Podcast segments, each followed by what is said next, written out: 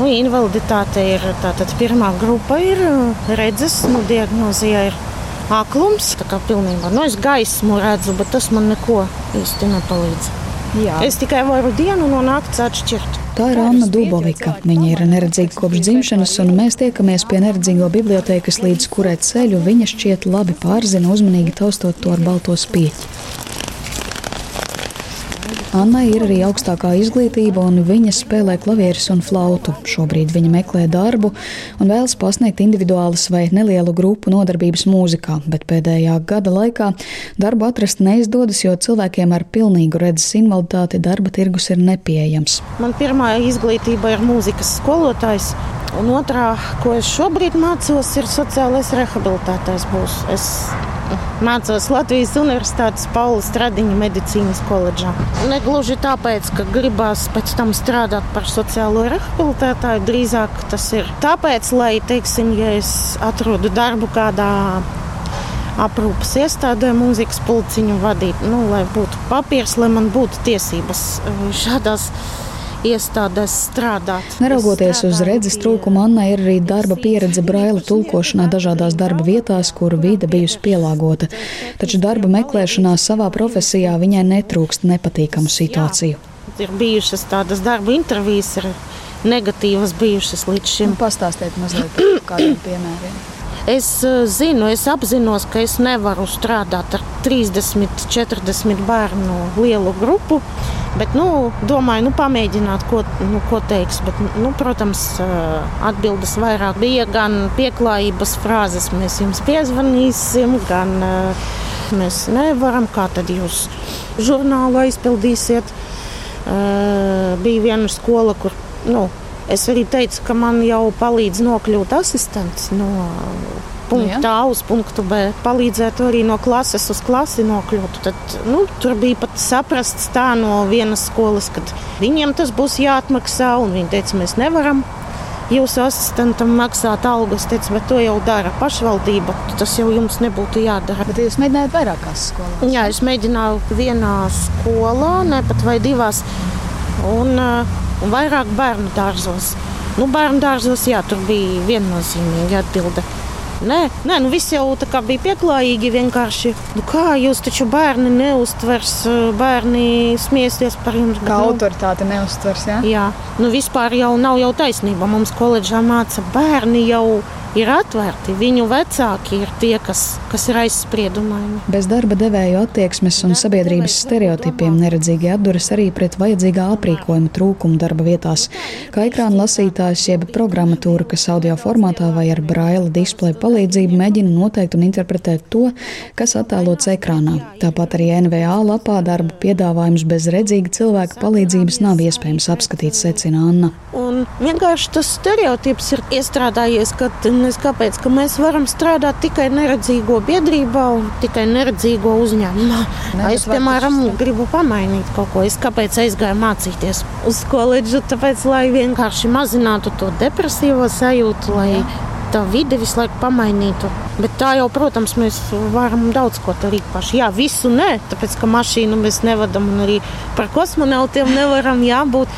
Tāpēc es nekad ne, neteikšu, ka mēs visu varam, bet mēs, es teikšu, ka mēs daudz varam.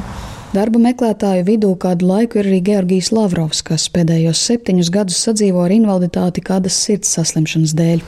Nu, es cenšos tā kā pensija vienmēr ne sevišķi liela un cenšos strādāt nu, ne tikai par naudu dēļ, lai sevi izmantotu. Pēc tam mājās arī apnieku sēdēt.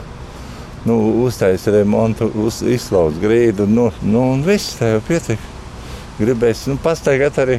Georgijs senāk pirms saslimšanas strādāja VF rūpnīcā, bet pēdējos gados strādājis par apsargu dažādās vietās. Šo darbu ar viņa diagnozi gan kļuvis sarežģīti darīt, jo viņš nevar strādāt naktīs vai ilgstoši stāvēt. Tagad Georgijs pāris uzņēmumos pieteicies darbā par telefonu operatoru. Viņš secina, ka darba tirgus ir īpaši nepieejams vecāka gadagājuma cilvēkiem ar invaliditāti. Viņi ņem ar mieru, bet kā zina, cik tev gadi ir uzreiz, mēs jums piezvanām izdevies. Tāpēc, ka es nevaru uh, drukāt, tā, ka tas tur tā kā viss te ātri nevar tā. Jā, ja runā par to atvērtību, jūs teicāt, viens ir tas vecums, nu, ka ir aizspriedumi kaut kādi, bet tad, kad cilvēki uzzina, ka jums ir invaliditāte, arī ir aizspriedumi. Jā, tieši tagad. Tieši tagad, tāpēc, viņi arī domā, ka tev varbūt paliks slikti uz darba. Pat tev atbild arī. Kaut kādas bailes. Ja jā, droši vien. Jā.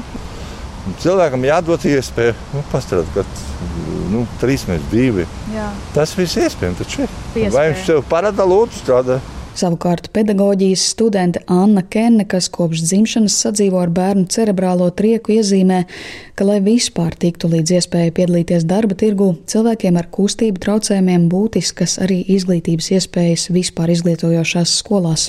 Jo neviens īsti negrib tādu bērnu klasē. Man skola bija blakām pie mājām. Un tur man arī kā negribēja ņemt dēļ manas diagnozes. Nu, tad mana mamma cīnījās, lai es tur arī mācītos, bet ļoti bija grūti. Es pabeidzu vispār izglītojušo skolu. Un, godīgi sakot, es esmu ļoti pateicīga vecākiem. Ja man, teiksim, ieliktu kādā speciālajā skolā, tad es nevarētu dzīvot kā normāls cilvēks. Latvijai ļoti jāaug, lai attiecībā pret šādiem cilvēkiem, diemžēl, tā ir realitāte. Ņemot vērā, ka darba tirgus pret cilvēkiem ar invaliditāti nav pietiekami atvērts, runājot par nākotni, Anna cer kādreiz izveidot savu mākslas terapijas privātu praksi. Nodarbinātības valsts aģentūrā pat labam kopumā reģistrēti vairāk nekā 7000 bezdarbnieku ar kādu invaliditāti, kas ir teju 14% no kopējā bezdarbnieku skaita. Šo darba meklētāju skaits pēdējos piecos gados ir samazinājies par tūkstoti, taču īpatsvars kopējā bezdarbnieku statistikā ir pieaudzis. Stāsta NVA par pārstāve Vineta Leončika. Attiecībā par iekārtošanos darbā, nu, līdz pagājušajā gadam bija tā tendence, ka tas skaits palielinās. Ja pagājušajā gadā kopumā 3795 bezdarbnieki ar invaliditāti atrada un iekārtojās darbā, tad no nu, šī gada uz septembra sākumu tie ir 2690. Līdz ar to nu, visdrīzāk tas skaitlis nesasniegs eh, pagājušā gada, būs nedaudz mazāks nekā pērn. Oh, nu, kopumā tā situācija, es gribētu teikt, ka viņa ir tāda drīzāk varbūt nemainīga. Tas, protams, norāda, ka šai mērķa grupai nu, ir grūtāk atrast darbu un ātrāk atgriezties darba tirgu. Pavisam jauns atbalsts darba devējiem, kas nodarbina personas ar invaliditāti, pieejams tieši ergoterapeita konsultācijai un darba vietas pielāgošanai līdz 1000 eiro apmērā no Eiropas fondu naudas. Šomēnes NVA arī aicina darba devējus pieteikties bezmaksas konsultācijām par dažādiem cilvēku ar invaliditāti nodarbināšanas jautājumiem. Tikmēr invalīdu un viņu draugu apvienības apērons vadītājs Ivars Balodis vērtē, ka Latvijā pat labam pamatā ir īstermiņa risinājumi cilvēku ar invaliditāti nodarbināšanā. Ir diezgan daudz dažādas atbalsta programmas, ko valsts nodrošina, piemēram, subsidētā nodarbinātība, bet arī ārzemju eksperti ir atzīmējuši to, ka tas nenodrošina to ilglaicīgo efektu, kā tādu, ka cilvēki tiešām no uz ilgu laiku paliek un, un atrod to savu dzīves piepildījumu konkrētajā uzņēmumā. Un uh, arī statistika parāda, ka kur pirmā grupa ir vissmagākā invaliditāte, tad uh, lielākais uh, cilvēku invaliditāti nodarbināto skaits ir tieši tajā trešajā grupā, kur tā invaliditāte nav tik ļoti izteikta un nav tik ļoti sarežģīta. Un, piemēram, cilvēkiem ar intelektuālās attīstības traucējumiem, kuriem ir bieži vien šī pirmā grupa, tas eh, nodarbināto skaits ir ārkārtīgi, ārkārtīgi mazs arī procentuālā ziņā.